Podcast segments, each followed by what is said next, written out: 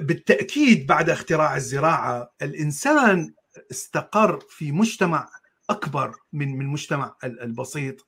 أصبح هناك تناقل معرفي ما بين الجيل والجيل السابق. الحياة تحسنت. تفسير الإنسان الخاطئ انتشر بشكل أكبر في المجتمعات المدنية. لأن هناك طبعا سلطة دنيوية وهناك سلطة دينية هناك ملك وهناك الكاهن.